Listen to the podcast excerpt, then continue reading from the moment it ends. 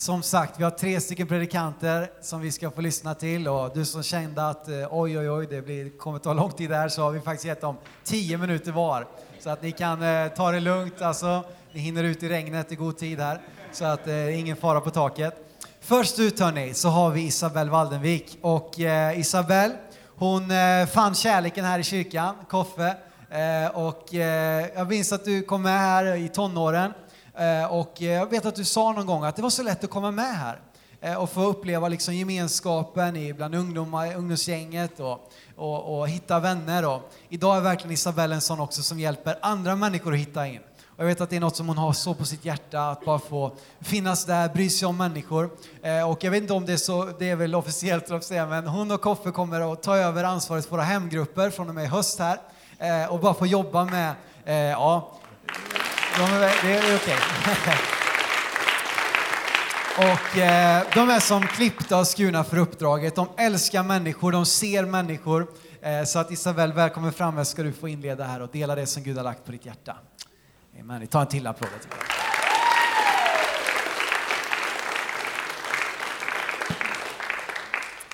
Hallå, hallå. Jag heter ju då Isabel. Nu hade jag gjort en presentation här, men nu har redan fått den här. Ja, jag och min man är medlemmar här i församlingen. Eh, och jag är också lovsångsledare, vilket är väldigt roligt. Eh, och det är roligt att få predika här idag med Johan och Desiree. En ny erfarenhet för mig. För några veckor sedan så besökte jag Nyhem, en kristen konferens. Och då eh, satt vi efteråt och fikade. De har ett café där.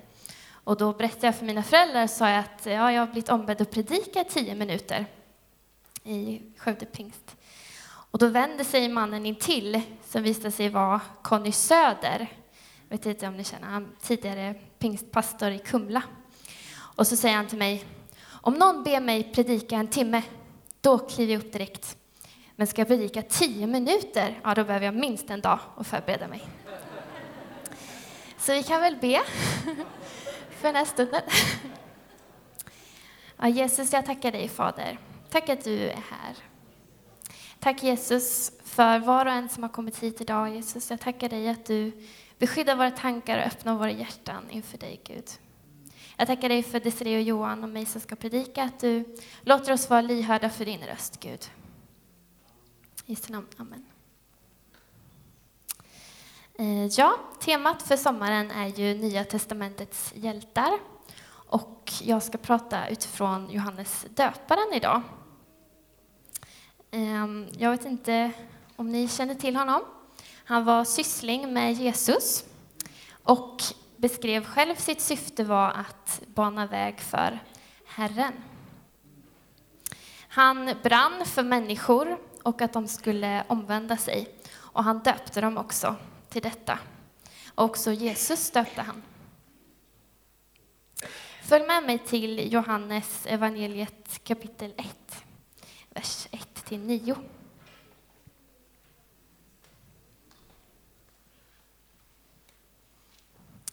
Jag läser från första versen. I tidens början fanns redan Ordet.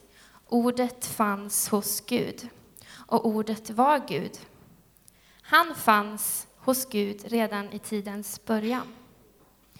Gud lät honom skapa allt som finns till det finns inget som inte har blivit skapat av honom. Allt liv kommer från honom och hans liv är människornas ljus. Hans ljus lyser i mörkret och mörkret kan aldrig släcka det. Gud sände Johannes döparen för att berätta om ljuset så att alla skulle börja tro på grund av hans budskap. Johannes var inte ljuset, han var bara den som skulle göra ljuset känt. Det sanna ljuset, han som är hela mänsklighetens ljus, skulle nu komma in i världen. Ja, Gud sände alltså Johannes döparen för att vittna om ljuset, som är Jesus. För att alla skulle börja tro på grund av hans budskap. Och vi läser det här att Johannes var inte ljuset. Han var bara den som skulle göra ljuset känt. Och varken du eller jag är ju källan till Guds ljus. Vi reflekterar det bara. Och i Johannes 3.30 säger också Johannes själv att Gud ska bli större och jag ska bli mindre. Johannes visste alltså att han inte kunde lysa av sig själv, att han var beroende av Gud för att lysa. Att hans syfte var att bana väg för Herren, som han säger själv. Och eh, för cirka två veckor sedan så var vi på lite minisemester i Norge. Och ett av målen med vår resa var att bestiga Gaustatoppen. Det är alltså södra Norges högsta topp. Kanske mer Kristoffers mål än mitt, men det var ett äventyr i alla fall. Eh, och på andra sidan det här berget då så ligger en by i en dal och den här byn heter Rukan. Och vi kan få upp en bild på den. Ja, precis. Och som ni ser så ligger Rukan där nere och eh, det omges helt enkelt av berg. Ehm, och det här läget då som dalen har, eller staden har, det gör att solens strålar inte når byn mellan september till mars. Tänker det. Så vi klagar över att det regnar idag, men det var inte så kul att bo där kanske. Ehm, men i oktober 2013 så det var en konstnär, fick jag veta, men så kom man på idén att sätta upp gigantiska speglar på ett av bergen. Jag tror vi har dem här. Och de här skulle då reflektera ner solens ljus ner i dalen. Och de här eh, speglarna är då ihopkopplade med en dator som styrs av ett vindkraftverk som gör att de följer solens eh, rörelser så att, de, så att det verkligen ska träffa rätt. Då. Eh, ja, eh, speglarna i sig kan alltså inte lysa, men när solens ljus träffar dem i rätt vinkel så sprids det vidare. Och jag tyckte att eh, det var en så fantastisk bild på det här bibelordet som vi precis läste. Att när Guds ljus lyser över vår tillvaro så hjälper det oss att veta hur vi ska leva. Och med Guds ljus är inte bara till för oss själva heller, utan vi är kallade att reflektera det vidare till andra människor. Och hur går det då till? Vi är ju inga speglar. Eller jag tror inte att ni ser inte ut att vara speglar helt. Eh, men precis som de här speglarna vid rukan så skulle de inte fylla sin funktion om de bara stod still. Om man bara hade ställt upp speglar, då hade de kanske fått ljus någon sekund om dagen. Utan hela eh, funktionen bygger ju på att de följer solens rörelse. Vi behöver alltså rikta oss mot Gud och följa hans rörelser och hans vägledning. Och på så vis kan vi reflektera Guds ande som det är tänkt, som Gud har tänkt, som vi läser i det här bibelordet. Eh, och något som är väldigt viktigt i det här sammanhanget, det är att det inte handlar om att prestera, utan om att reflektera. Och Johannes, han var ju ett starkt vittne för Jesus, men han var inte det i sig själv. Han visste att han var underställd Jesus, att Gud är större och jag är mindre. Att han inte var ljuset, han reflekterade detta.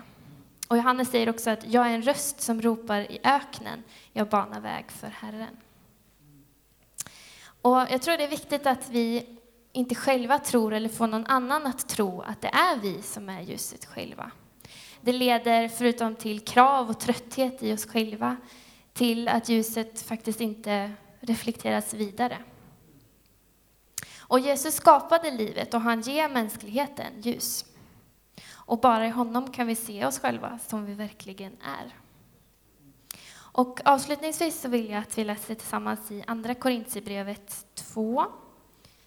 Nej, ja, 3 menar jag. Andra Korintierbrevet 3. Och vers 18.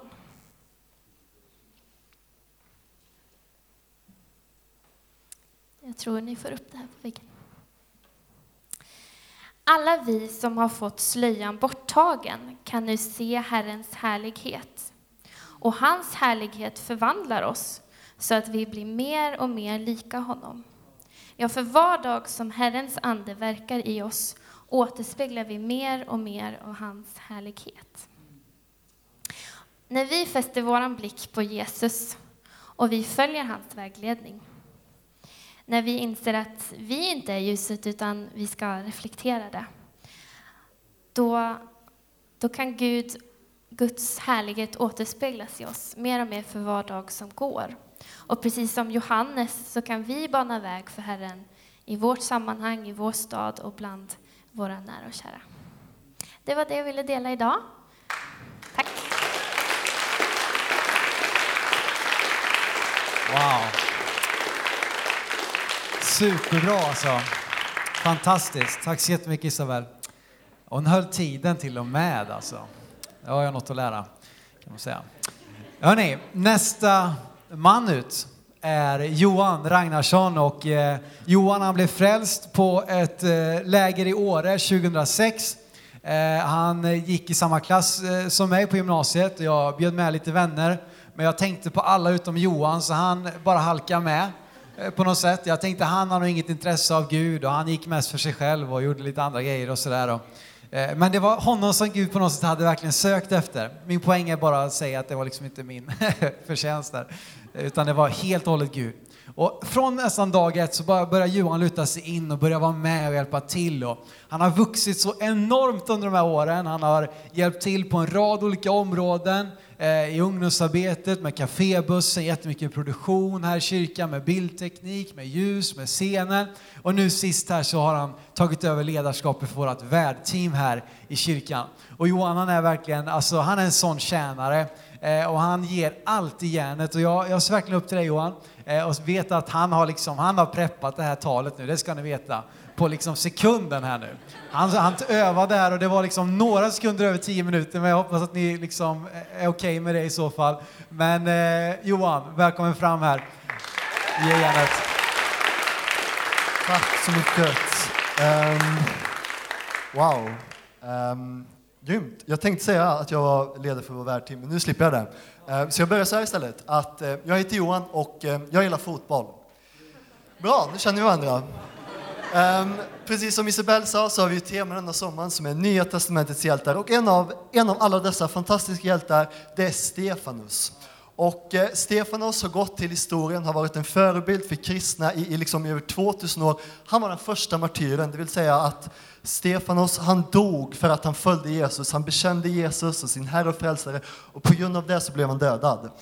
Um, och det är där historien om Stefanos slutar i Bibeln. Uh, men jag tänkte fokusera på vart började den historien? Och uh, där det började för Stefanos, det hittar vi i Apostlagärningarna kapitel 6 från Ehm, vers 1 till och med 3.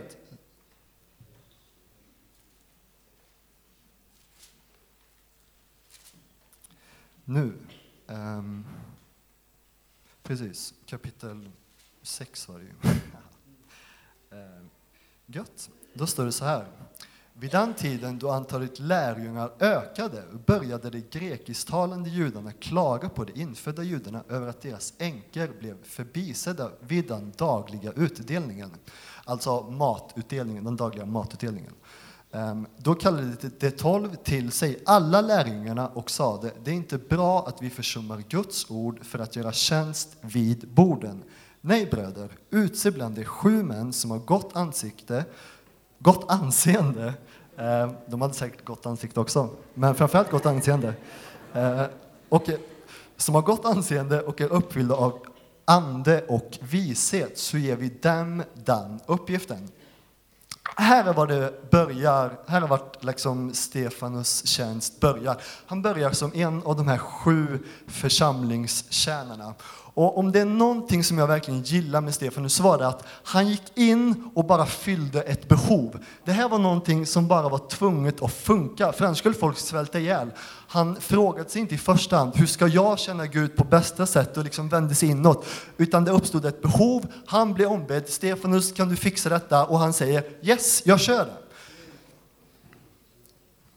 Och jag tror verkligen att, att det är när vi som kristna när vi bestämmer oss för att börja tjäna varandra och, och alla människor i vår närhet, eh, det är först då som vi, vi kommer få se liksom en, en, en förvandlade liv i vår stad, i vårt land. Um, Men jag tror det här att, att ibland när man pratar om tjänande så kan man ha um, man kan ha lite olika förväntningar på sig. Man kan tänka sig, vad får jag ut av tjänandet? Ehm, och bara för att eh, ge en liten bild av det här, eh, så ja, jag tror man kan ha eh, lite olika bild av, av vad man får ut av tjänande. Och i Lukas 18.18 18 så kan man läsa om en i Lukas evangelium kapitel 18 och från vers 18 så kan man läsa om en rik man som kommer fram till Jesus. Och den här rike mannen frågar Jesus, Mästare, vad ska jag göra för att få evigt liv? Och Jesus svarar honom, du ska inte stjäla, du ska inte mörda, du ska inte ljuga, du ska inte begå äktenskapsbrott, du ska hedra din mor och din far. Um, och jag tror, du vet, den här rike mannen, han står nu där och han tänker, du ska inte ljuga. Och han lyssnar på när Jesus säger så här. Då. Eh, så Jesus säger, du ska inte ljuga. Och den rike mannen går, check! Du ska inte ljuga, check! Du ska inte begå äktenskapsbrott, check! Du ska inte liksom, ehm, du ska inte stjäla, check! Du ska hedra dina föräldrar, check! Alltså, Jesus, vet du vad? Allt det där har jag hållit sedan jag var ung. Wow, jag har tjänat så bra. Allt det där Jesus har jag hållit sedan jag var ung. Men vad svarar då Jesus? Jesus säger till den här rikemannen, ett fattas dig. Va? Är det någonting som fattas mig? Jag har ju tjänat så bra liksom. Men Jesus säger, ett fattas dig. Sälj allt du äger och ge till de fattiga då ska du få en skatt i himlen.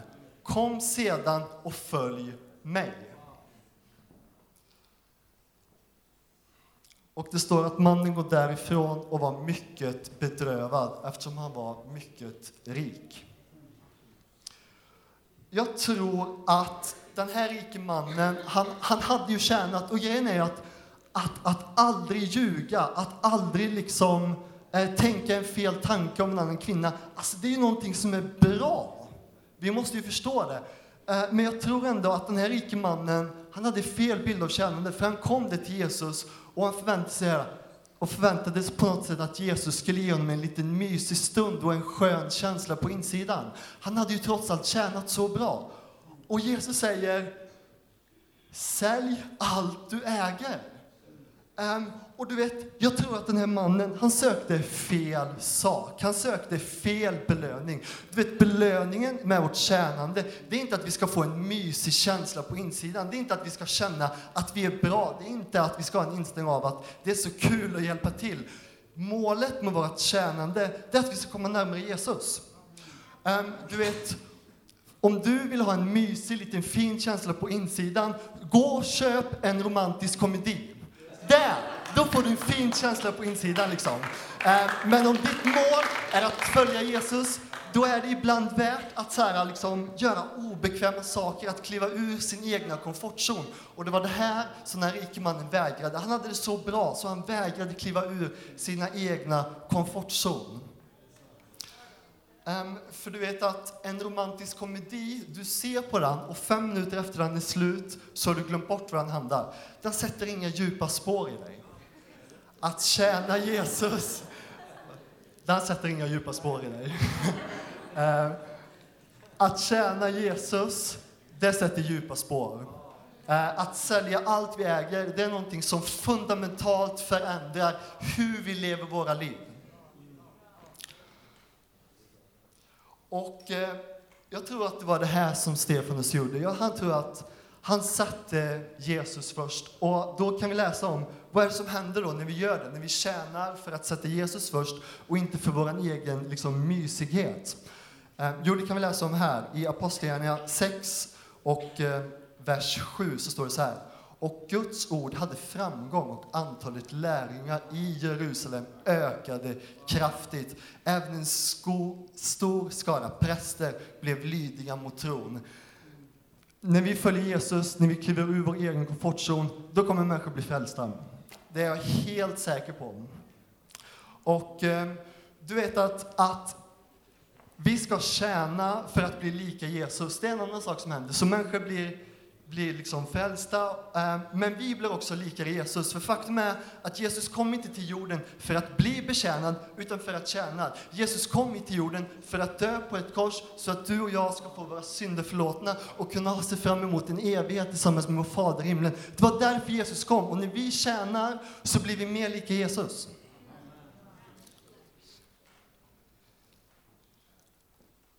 Jag tror att jag tror att verkligen att Stefanus och alla andra församlingstjänare, de tvingades säkert kliva ur sin komfortzon.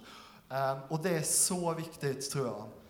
Um, men då kan man ju fundera på um, om de liksom på något sätt, gjorde de detta i egen kraft? Uh, nej, jag tror faktiskt inte det.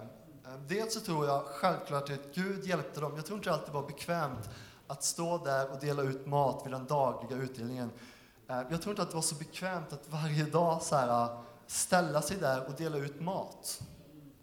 Ehm, vi läste ju i början att, att de började klaga. Ehm, det är inte alltid så kul att, att höra på folk som klagar, men de ställde sig där. Men du vet att jag tror att en nyckel till att verkligen tjäna Jesus, det är att vi kopplar oss samman med andra människor. Det står så här. Alla de församlade tyckte att förslaget var gott och de valde Stefanus, en man uppfylld av tro och den helige Ande, vidare Filippus, Prokorus, Nikanor, Timon, Parmenas och Nikolaus, en proselyt från Antiochia. Du vet, alla de här personerna, alla sju församlingstjänare nämns vid namn. Det var de här personerna som Stefanus omgav sig med. Och frågan är, som du kanske måste ställa dig, vilka personer har du i ditt liv? Vilka personer skulle du göra en sån här lista med? Att de här står vid min sida, de här kommer stå med mig i vått och torrt och dela ut mat. Kanske inte alltid rent så här, fysisk mat som vi kan äta, men andlig mat. Och om det är någonting som vårt land behöver idag så är det andlig mat. Um, och du behöver vänner, du behöver familjemedlemmar som står vid din sida i vått och torrt oavsett vad det kostar. Liksom. Um,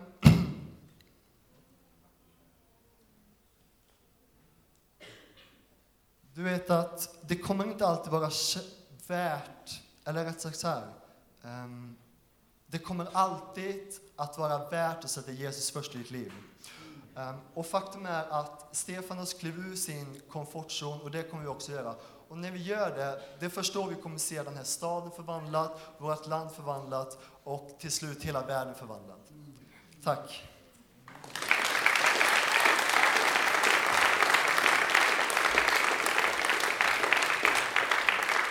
Underbart hörni. Jag är så tacksam för att det finns så många underbara människor i vår församling som, som verkligen bara älskar Jesus och vill tjäna honom. Kanske tar det för givet alltså att vi söndag efter söndag har fullt med unga människor här i kyrkan, men det är verkligen någonting som, som, som det tar här inne och det, det känns här inne och det är så gott att bara se en efter en kliva fram, hitta hem och tjäna Jesus med glädje. Eh, och eh, nu så ska vi få lyssna till Desiree Forsberg. Hon är sist och yngst, men inte minst. Eh, och eh, Desiree hon är uppvuxen här i kyrkan. Och eh, jag eh, kom, när jag kom hit till kyrkan så var du väldigt liten faktiskt. Och det är så häftigt att få följa människor som, som liksom växer upp. Nu låter det som att jag är jättegammal, men ja, kan jag bara gissa på hur gammal jag är. Men. Hur som helst, bara få se en människa som växer upp i en härlig familj som älskar Jesus och få se dig tjänat i barnriket, i ungdomsarbetet, i lovsången, alltid med ett leende på läpparna. Nu har du varit iväg på ett år som au pair och då tänker man att ja, men då är man väl bara ute och solar och badar. Och... Men då har Desiree spenderat stort sett varenda ledig stund åt att vara med och starta upp Hillsong i Barcelona eh, och bara tjänat där, gett järnet, kommit hem sent, sovit lite och liksom bara gjort allting för att få vara med och bygga Guds rike också där under det här året. Eh, så Desiree, nu är vi så förväntansfulla på att få höra vad du ska säga. Välkommen fram!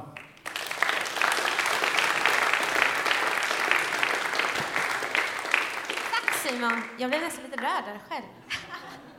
um, nu ska vi se. Jag tog med mig två biblar upp för jag insåg att den ena var på fel språk. Men det löser sig nog. Och eftersom Simon redan har sagt vad jag heter så behöver jag inte säga att jag heter Desiree. Eh, och att jag är 19 år behöver jag inte heller nämna, för ni vet ju att jag är ung. Men eh, jag är passionerad för tre saker, kan man väl säga. Och det är Jesus, det är språk och det är siffror. Um, och det här med Jesus är ju väldigt intressant, för jag står ju här uppe idag. Och när jag fick förfrågan och möjligheten att få prata idag fick jag ju samtidigt reda på de där två andra som skulle prata. Isabella, Isabel och Johan. Och jag kände direkt bara, va? Ska jag? Jag är ju tonåring, jag är ganska oerfaren, jag vet inte vad pensionsspar är och jag levde inte under fotbolls-VM 1994. Um, men på samma gång så fick jag ett bibelord till mig um, som står i första Timoteusbrevet 4 och 12. Så ta fram din mobil eller bibel så kan vi gå dit. Där står det så här. Låt inte någon få se ner på dig för att du är ung, utan var ett exempel för de troende i ditt tal, i ditt agerande, i din kärlek, i din tro och i renhet. Hängde du med? Jag skulle med andra ord inte trycka ner mig själv här för att jag var ung, utan genom mina ord idag och via mitt agerande så skulle jag, oavsett vem det var jag pratade till, inte bry mig om det, utan jag skulle gå fram och vara ett exempel ändå. Så jag blev så inspirerad och motiverad så jag bestämde mig att jag skulle prata om Timoteus. Um, men då säger många, va, vem är han nu då? Men han finns ju i Bibeln och då jag är ganska nördig, eh, eller studiemotiverad, så vill jag ha reda på en bakgrund, vem en kille är. Eh, så jag satte mig ner och insåg att det finns ganska mycket om den här killen. Och första gången du får höra om Timoteus, det är Apostlagärningarna 16 och 1. Det är Paulus som är ute på en liten tripp och eh, han kommer till Derbe och sen till Lystra. Hängde du med vart vi var? Vi var i Apostlagärningarna 16 och 1. Och där hittar han en kille som alla människor talar väldigt gott om. Och Paulus bestämmer sig genast för att rekrytera den här killen. Trots det faktum att han hade en, eller det var ju bra i och för sig att han hade en starkt troende judisk mamma, men han hade en grekisk far som gjorde att han var ju tvungen att omskära Timoteus också. Men han ville ju verkligen ha den här killen, så han gick och gjorde det. Och för att han ville inte reta upp de andra i området. Eftersom alla visste att han var halvgrek. Så här kommer alltså Paulus till några städer i Turkiet. Han hittar en kille som alla hans vänner säger, den här killen är bra. Och Paulus tänker att den här vill jag också ha. Den här ska följa med mig och förvandla människors liv. Så han måste ju verkligen ha sett en enorm potential direkt, för annars så skulle inte jag tänka låt omskära den här killen så han får hänga med mig. Um, och du kanske tänker, vilken schysst kille som ställer upp. Um, men samtidigt i min värld och i nutida mått så skulle det ju vara som att predikanten Kristin Kane skulle komma in här genom dörrarna och bara säga att jag vill att du ska bli amerikan, så att häng med mig. Och då skulle jag ju byta identitet om det skulle gå. Men, för det skulle vara en stor dröm och det tror jag det var för Timoteus. Timoteus blir helt enkelt Paulus kompanjon och medarbetare. Och tillsammans åker de runt om i världen och predikar evangeliet. De åker till Korint, till Thessaloniki, till Filippi och Efesos bland annat. Och de skriver väldigt många brev ihop. Men sen får Paulus för sig att lämna Timoteus på en liten annan resa som han vill göra själv. Och då skriver han ett brev, nämligen Timoteusbrevet. Och skriver i första Timoteusbrevet 1 och 18. Detta uppdrag, att förmana, anförtror jag nu åt dig, mitt barn Timoteus, i enlighet med de profetord som en gång uttalades över dig. I kraft av dem ska du kämpa den goda kampen. Um, här får ju den här unga killen ett uppdrag att förmana dåtidens världsledare. Han är fortfarande ung, det har inte gått så lång tid efter att han blev rekryterad. Och han ska liksom gå fram där, fira Jesu kärlek och säga till världsledarna att nej, du ska inte hålla på med det du gör. Du ska vända ansiktet upp till Gud. Och det är inte så konstigt om Timoteus i detta läget skulle backa hem och känna nej, det kanske jag inte ska göra. Men det är då den här förmaningen kommer, eller den här uppmuntrande orden från Paulus, nämligen att låt inte någon få se ner på dig för att du är ung. Och det är för mig en sån uppmuntran, för även om du är Paulus älskade son, Paulus är för mig en liten idol, så att vara hans son skulle ju vara jättehäftigt. Och han var Paulus närmsta medarbetare också, vilket gör att den här killen, han är inte... Han är ganska bra, menar jag.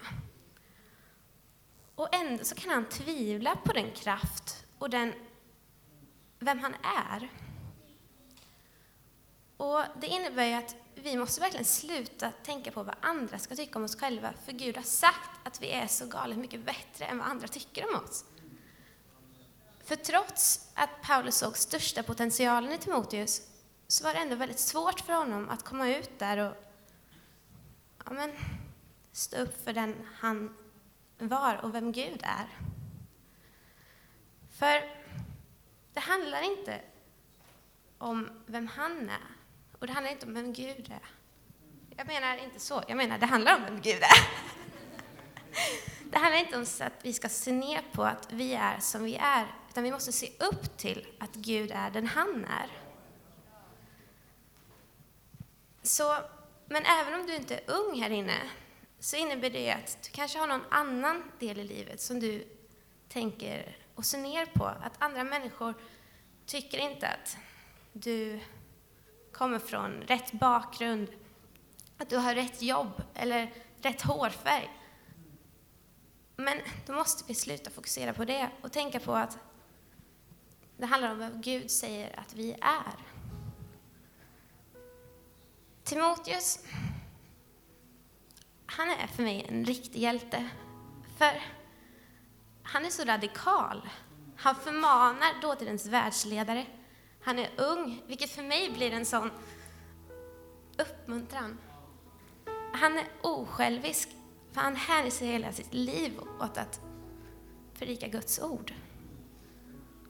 Och han är orädd, för han ger aldrig upp.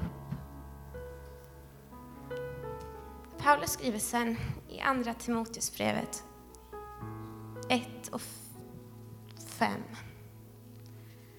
att jag tänker på den uppriktiga tro som finns i dig. Den som först fanns hos din mormor Louise och din mor Eunike och som nu, vilket jag är helt övertygad om, också finns hos dig. Tänk att få de här orden.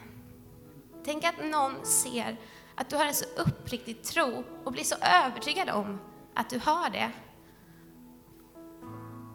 Och det är verkligen en bön över mitt liv, över våra liv här inne. Att vi ska ha en sån uppriktig tro där folk blir övertygade om att vi har den. Och då Gud inte har gett oss modlighetens ande, utan han har gett oss kärlekens och självbehärskningens och kraftens ande, så vet jag att detta är fullständigt möjligt. Att vi kan ha en lika övertygande tro som denna Timoteus hade och kunna vara med och förvandla liv. För det, det är det som riktiga hjältar gör. Jesus, jag tänkte gå in i en bön här, för jag måste avsluta på något bra sätt. Jag bara tackar dig Herre för att du har gett oss kraftens ande som gör att vi kan bara lita på vem du är och gå ut och förvandla liv i din kraft, Herre.